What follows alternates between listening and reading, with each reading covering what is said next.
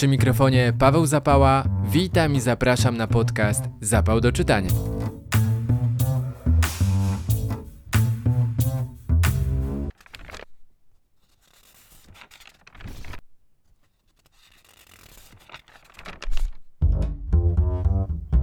W 29 odcinku zaglądam do najnowszych książek, zwłaszcza książek magazynu do czytania.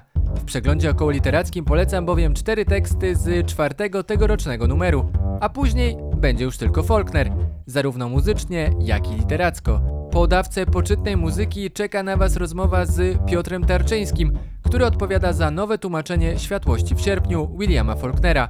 Mojego gościa zapytałem także o jego książkę Rozkład oraz działalność podcastową. Zapalamy się do czytania i startujemy.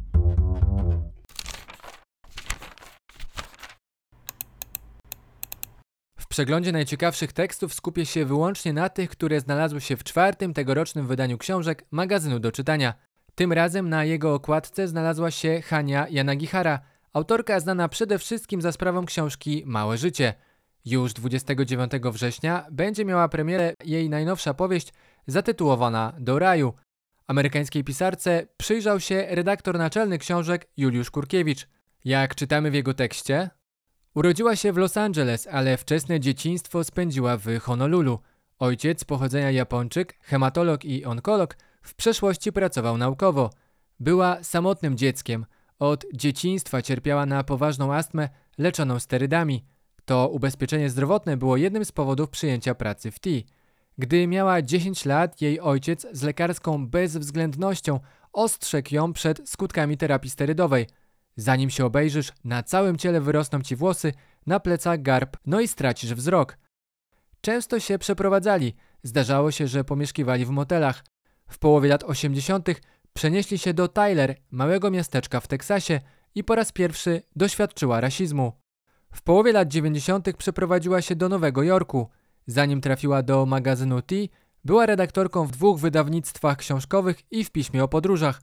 Praca w wydawnictwie nie podobała się jej, nie znała kodów środowiskowych, nie mogła się przystosować. Okazuje się, że problem z dostosowaniem się do środowiska przez Jana Giharę pozostał w jej życiu obecny. Jak czytamy, nie czuje się częścią środowiska literackiego, nie jest jej w nim komfortowo. Nie nazywa siebie pisarką, nie wie co to znaczy być pisarzem. Pisarstwo to dla niej hobby, któremu oddaje się po godzinach. Pisze dla własnej przyjemności, nie dla czytelników i potrafi być asertywna wobec redaktorów.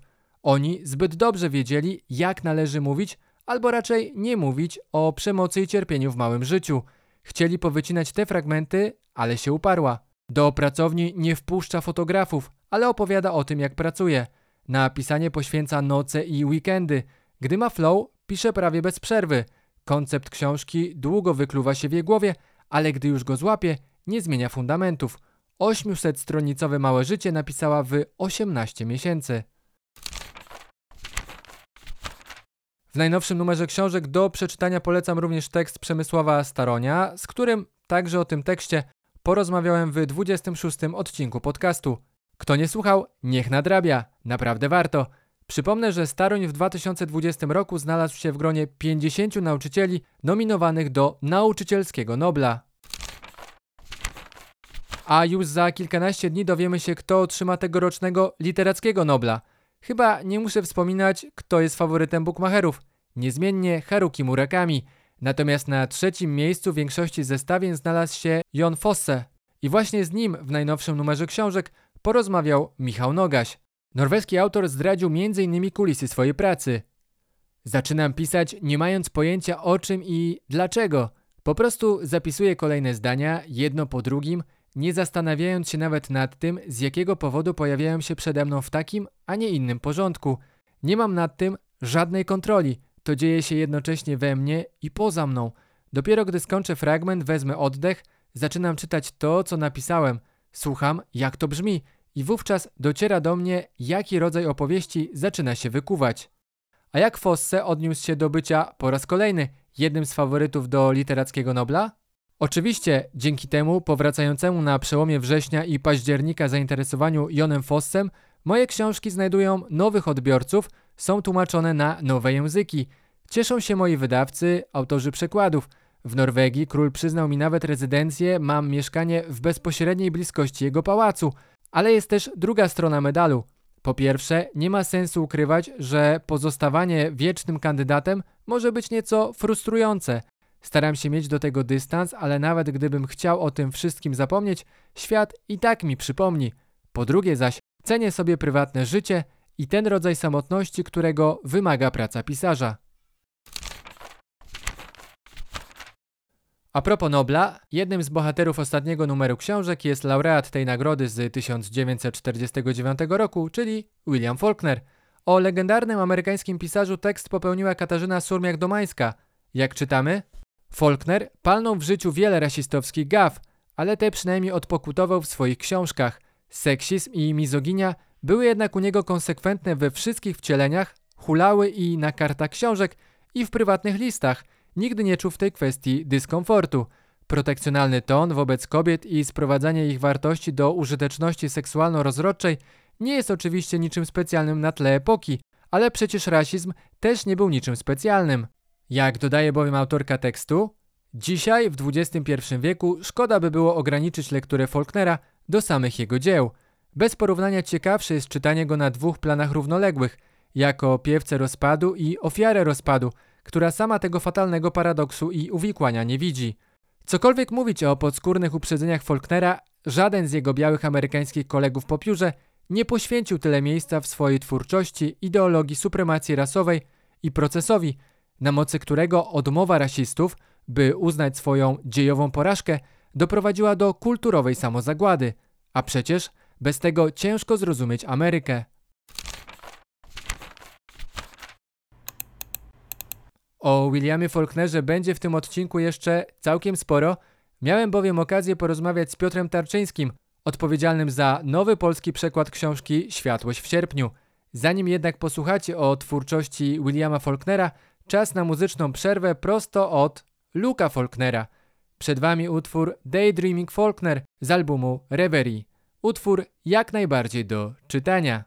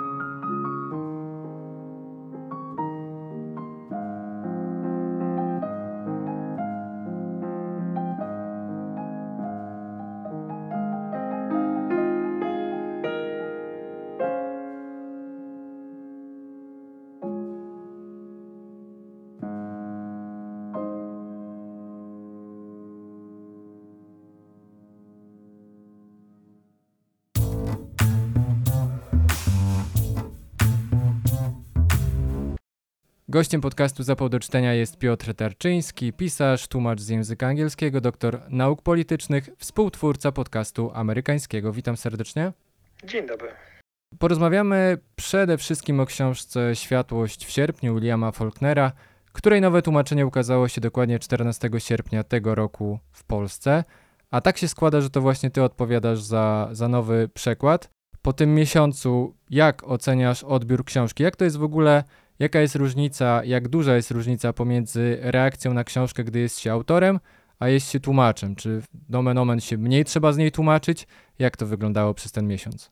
No z tego co widzę, muszę powiedzieć, że odbiór jest y, lepszy niż się spodziewałem. Ja w ogóle jestem raczej pesymistą niż optymistą i wolę być miło zaskoczony i tak jest tym razem. Był duży odbiór w social mediach, też w mediach tradycyjnych. Faulkner został zauważony, no i to mnie bardzo cieszy, bo dokładnie o to mi chodziło, no, żeby czy Faulknera znowu zaczęto czytać w Polsce, żeby była moda na Faulknera. Mam nadzieję, że to się udało zrobić y, i że kolejne książki z tej serii i w innych przykładach a także w nowych przekładach Faulknera, które robi też y, PIW, że to się wszystko jakby dobrze uda i, i Faulkner będzie na nowo obecny, tak jak na to zasługuje.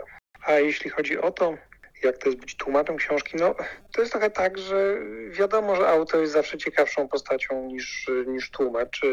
Na szczęście się to troszkę zmienia i mówię to jako tłumacz, rola tłumacza jest zauważana trochę częściej w, w Polsce ostatnio i, i, i chociażby dzisiejsza nasza rozmowa jest tego dowodem, że z tłumaczem też czasem można porozmawiać o, danej książce. Nie tylko dlatego, że autor nie żyje od 60 lat. I czy ja się muszę z tego tłumaczyć? No trochę muszę. Muszę się tłumaczyć z, z wyborów translatorskich, które podjąłem. Tłumaczyć się z tego języka, który jest inny od poprzedniego przykładu, od przykładu Macieja Słomczyńskiego. Są czasem reakcje pozytywne, czasem negatywne, ale cieszy mnie to, że w ogóle Faulkner i język Faulknera wrócił do czy w ogóle stał się przedmiotem dyskusji i, i to jest najfajniejsze i najlepsze.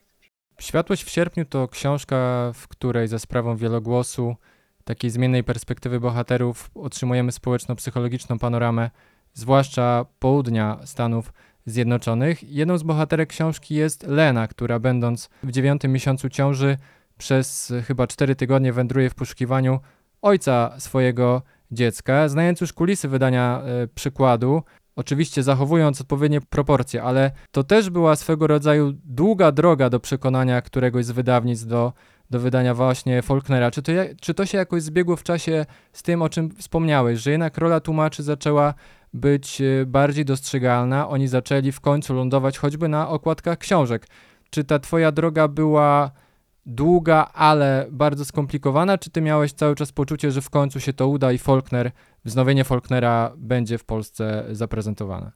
No nie, oczywiście, że nie miałem poczucia, że się uda, bo jak mówię, jestem pesymistą, ale uparcie szedłem przed siebie i mm, od jednego wydawnictwa do drugiego z różną intensywnością w różnych okresach chodziłem i proponowałem, żeby wydać na nowo Faulknera. Przy czym nie chodziło mi o to, żebym ja przekładał Faulknera nawet koniecznie, tylko po prostu, żeby wznowić Faulknera, ale w nowych przekładach, dlatego że mhm. po tych kilkudziesięciu latach wydawało mi się, że język polski i polscy czytelnicy i czytelniczki zasługują na po prostu nowe przekłady klasyki, zwłaszcza, że coś się zaczęło w tej kwestii dziać.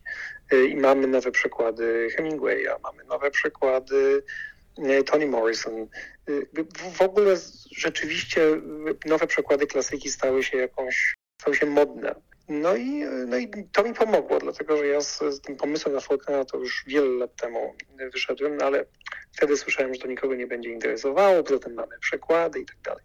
No ale na szczęście coś się musiało zmienić i, i wydawnictwo Znak y, zgodziło się to wydać, a to faktycznie była droga, no to kilka lat trwało, zanim, zanim wreszcie któreś wydawnictwo zgodziło się wydać Faulknera i bardzo się cieszę, bo no, czuję się spełniony, tak? Dokładnie o to mi chodziło, żeby Faulkner wrócił do polszczyzny.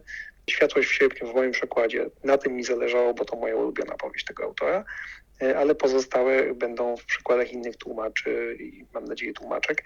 I bardzo dobrze. To też e, tłumaczenie jest interpretacją, w związku z tym niech ten folklor będzie zinterpretowany przez różne wrażliwości translatorskie, ale niech będzie. Wspomniałeś o przykładzie. Poprzednie polskie tłumaczenie Światłości w sierpniu ukazało się ponad 60 lat temu za sprawą przykładu Macieja Słomczyńskiego. Jak piszesz w posłowiu, Słomczyński, jak wielu pierwszych tłumaczy Faulknera, postanowił uczynić książkę przystępniejszą. W swoim przykładzie starałem się zatem położyć nacisk na te aspekty języka Faulknera, które Słomczyński wygładził. Nie mówię, że mój przekład jest od jego przekładu lepszy. Bez wątpienia jest natomiast inny. Zamiast na potoczystość i przystępność tekstu, kładzie nacisk na jego obcość i dziwność.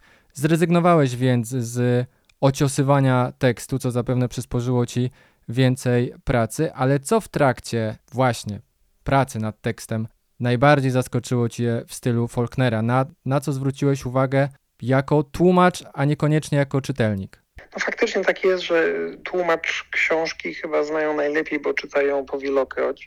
E, nie raz, nie dwa, tylko naprawdę wielokrotnie. To, co mnie uderzyło, poza tym, że ja po prostu uwielbiam Faulknera i to nie zaskoczę ani ciebie, ani słuchaczy. I, I, przełożenie Faulknera to było moje marzenie, które się spełniło. Natomiast faktem jest, że y, niektóre z, jak powiedzieć, metafor, które, które używa Faulkner, czasami są nieco, czasami nie trafiają, znaczy czasami są chybione, mam wrażenie. To jest język bardzo poetycki, gęsty i, I on bardzo często daje znakomite rezultaty, ten styl Faulknera, ale czasem jest tak, że niektóre metafory są no, wątpliwe, ja wiem, że są złe, średnio działają, a jeszcze w przekładzie działają jeszcze gorzej. No i tu oczywiście jest problem, co z tym robić. No ale niestety, no, po prostu zostawiać. No, taki jest styl Faulknera, tak napisał, nie będziemy go poprawiać. Więc to mnie zaskoczyło, ale tego na szczęście nie ma zbyt wiele. Nie, ja się raczej upewniłem w tym, że to jest fantastyczna powieść, y, która która też jest bardzo aktualna i która się nie zestarzała. To jest powieść, która ma blisko 100 lat, y, a to jest naprawdę bardzo nowoczesna książka w, w spojrzeniu na różne tematy, nie tylko na tematy y, rasowe, o czym pewnie jeszcze będziemy rozmawiać, ale na przykład na tematy y, ludzkiej seksualności i emocji. No to jest jednak, nie będę tutaj zdradzał szczegółów, zachęcam Państwa, żeby sobie przeczytać samodzielnie, ale to jest naprawdę nowoczesna, nowoczesna literatura, która nic się nie zestarzała mimo tych prawie 100 lat. Od 60 lat nie ma również możliwości, żeby zapytać o tę książkę autora, zapytać jako, jako tłumacz, ale gdybyś miał taką możliwość, to o co zapytałbyś Faulknera? Ja nie wiem, czy on w ogóle chciałby mi y, udzielić jakiejkolwiek odpowiedzi. On na takie zarzuty, że jego książki są trudne i że czegoś można nie zrozumieć. I co ma zrobić taki czytelnik, który nie zrozumiał, to Faulkner odpowiadał, no to niech przeczyta drugi, trzeci, czwarty, piąty raz, to zrozumie. A więc myślę sobie, że współpraca tłumacza z takim autorem niekoniecznie byłaby łatwa, no ale może jestem niesprawiedliwy wobec Williama Faulknera, więc y, nie, nie wiem, czy chciałbym go o coś pytać, ale na szczęście powstało tyle opracowań faulknerologicznych, artykułów, książek, że e, mam, wręcz miałem nadmiar źródeł, z których mogłem korzystać, nie źródeł, tylko opracowań właśnie, które pomagały mi zrozumieć różne mm, niuanse, różne zagadnienia tej, tej, tej, książki, e, o co mogło Faulknerowi chodzić. Przy czym oczywiście tutaj też nie zawsze jest zgoda, bo, bo ci sami badacze, naprawdę eksperci od Faulknera potrafią pisać, no tak, w tym zdaniu czy w tym fragmencie chodzi o to, ale być może chodzi również o coś innego. No nie ma pewności, jest to wybór y, tłumacza. Być może popełniłem jakieś błędy, ale, ale to jest nieuniknione. No. Rozmawiamy tuż przed 25 y, września, czyli dniem, w którym przypada 120 już szósta rocznica urodzin Williama Faulknera. Zmarł ponad 60 lat temu, niemal w tym samym roku co Ernest Hemingway. Obaj otrzymali literacką Nagrodę Nobla. Mam jednak wrażenie, że przynajmniej pod naszą szerokością geograficzną, to jednak Hemingway jest y, lepiej zapamiętany albo inaczej. On wyszedł daleko poza, poza książki, stał się wręcz produktem nieliterackim. Jak to jest w ogóle za, jak to jest na przykład w Stanach Zjednoczonych? Czy, czy Faulkner i Hemingway są traktowani na równi, czy jakoś wnikałeś w to, jak, jak to wygląda? No to pewnie trzeba by zapytać literaturoznawców, y, którym ja nie jestem, więc tego nie umiem odpowiedzieć, ale faktycznie jest tak, że w Polsce jakoś ten Hemingway jest lepiej znany, bardziej lubiany, a Faulkner był przez wiele lat, no nie wiem, czy zapomniany to jest dobre słowo, ale na pewno jakoś na uboczu w porównaniu z Hemingwayem, chociaż wydaje mi się, że wpływ Faulknera na twórczość literacką mm, innych pisarzy i pisarek jest większy i ten, e, tego Faulknera my wszyscy znamy w Polsce, ale nie wiemy, że to jest Faulkner. Chodzi mi o to, że czytamy Mario Vargasa Llosa, Toni Morrison, e, Cormaca McCarthy'ego i, i myślimy, że to jest taki sposób narracji fantastyczny, a to jest y, wszystko prawda, tylko to jest y, wpływ Williama Faulknera, do czego zresztą ci wszyscy autorzy i autorki się przyznawali.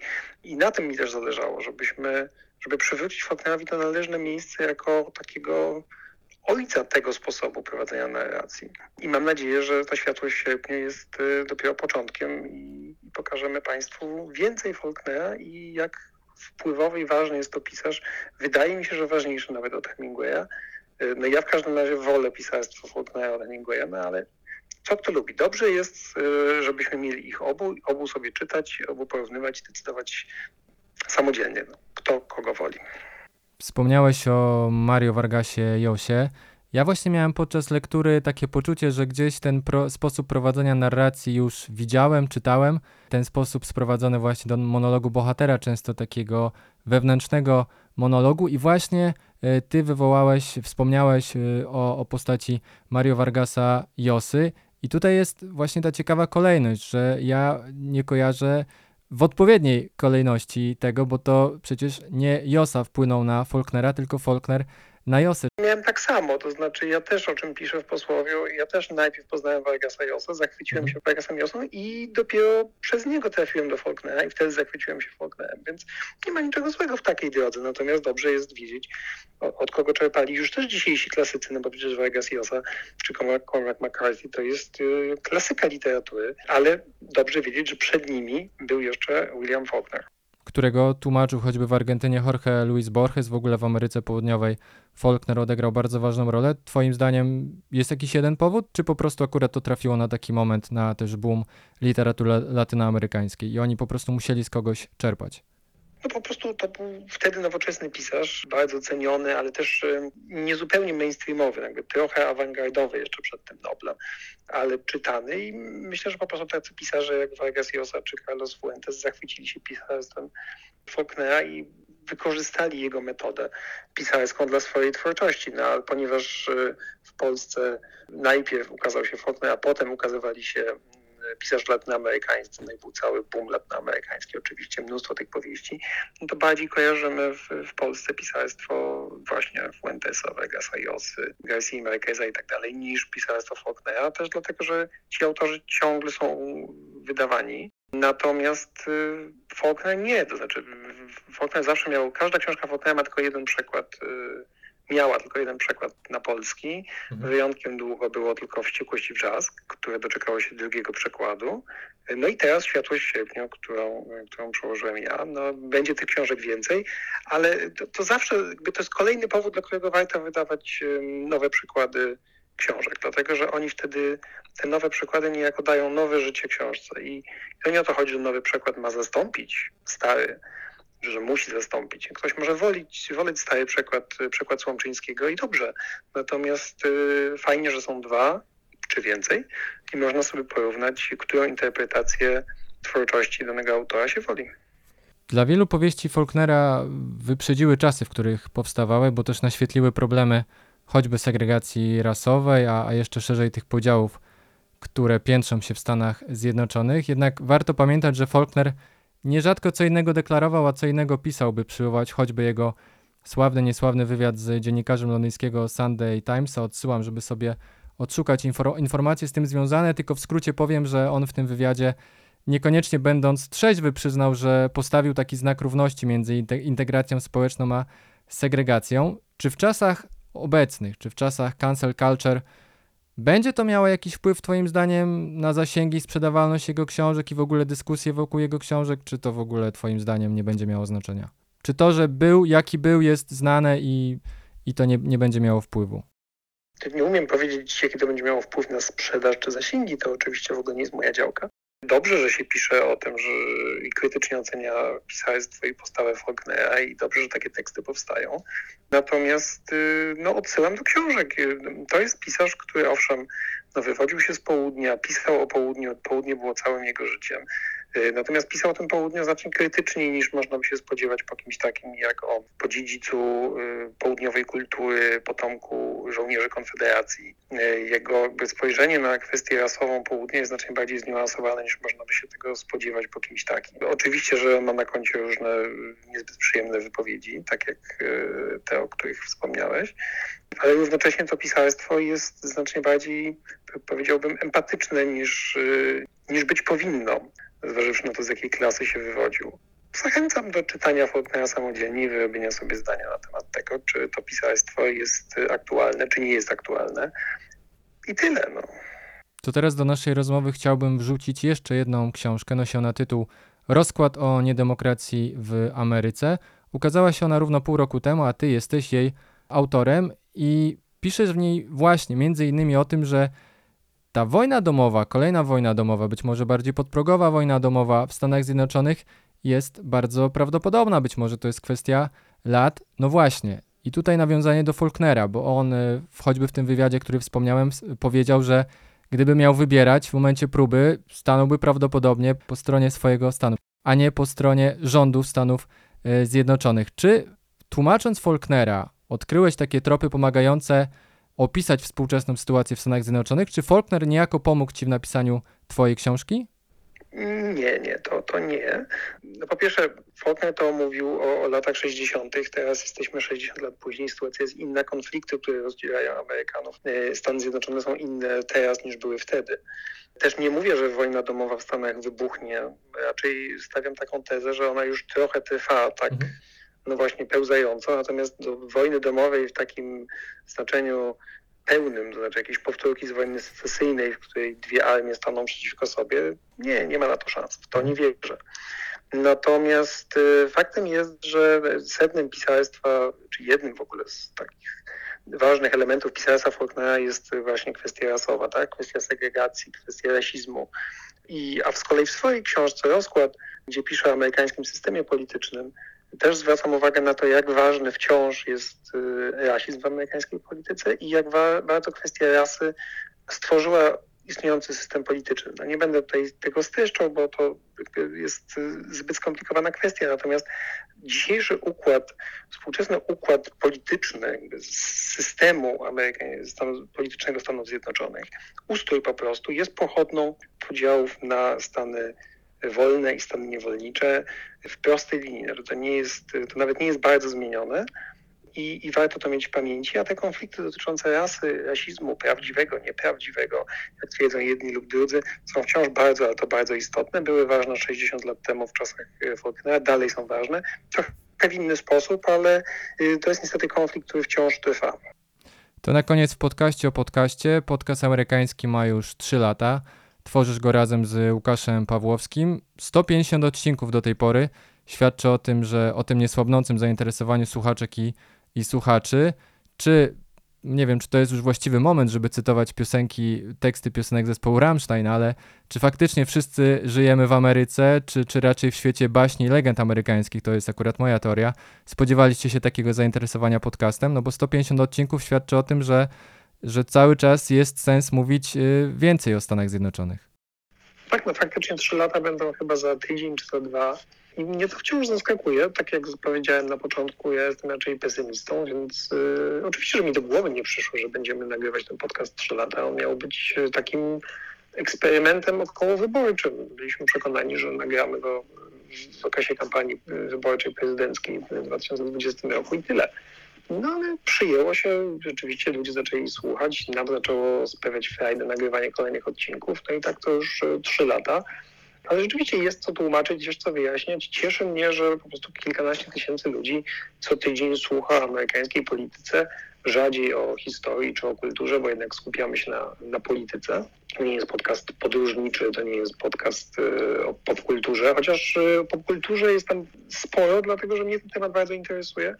Tutaj się z Tobą zgodzę, że żyjemy w świecie amerykańskich mitów, e, ale też sami Amerykanie żyją w świecie amerykańskich mitów. Znaczy to, jak bardzo popkultura wpływa na postrzeganie i sposób przedstawiania polityki w popkulturze, wpływa na postrzeganie Ameryki przez resztę świata i samych Amerykanów jest ogromny. Znaczy bardzo wielu ludzi nie wie wiele o amerykańskiej polityce, wie tyle, ile obejrzeli w serialach, filmach, książkach i komiksach Problem oczywiście polega na tym, że to, co tam przedstawia nam popkultura, często nie ma wiele wspólnego z rzeczywistością.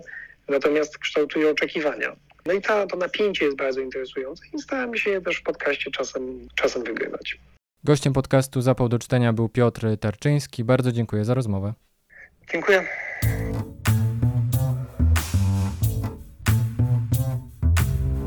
I to już wszystko, jeśli chodzi o 29 odcinek podcastu Zapał do czytania. Jak wasze wrażenia? Możecie o nich do mnie napisać na adres zapaldoczytania@gmail.com. Zapał do czytania znajdziecie także na Facebooku, Instagramie oraz YouTubie. Zachęcam do komentowania, lajkowania i subskrybowania. Płomiennie dziękuję. Do usłyszenia.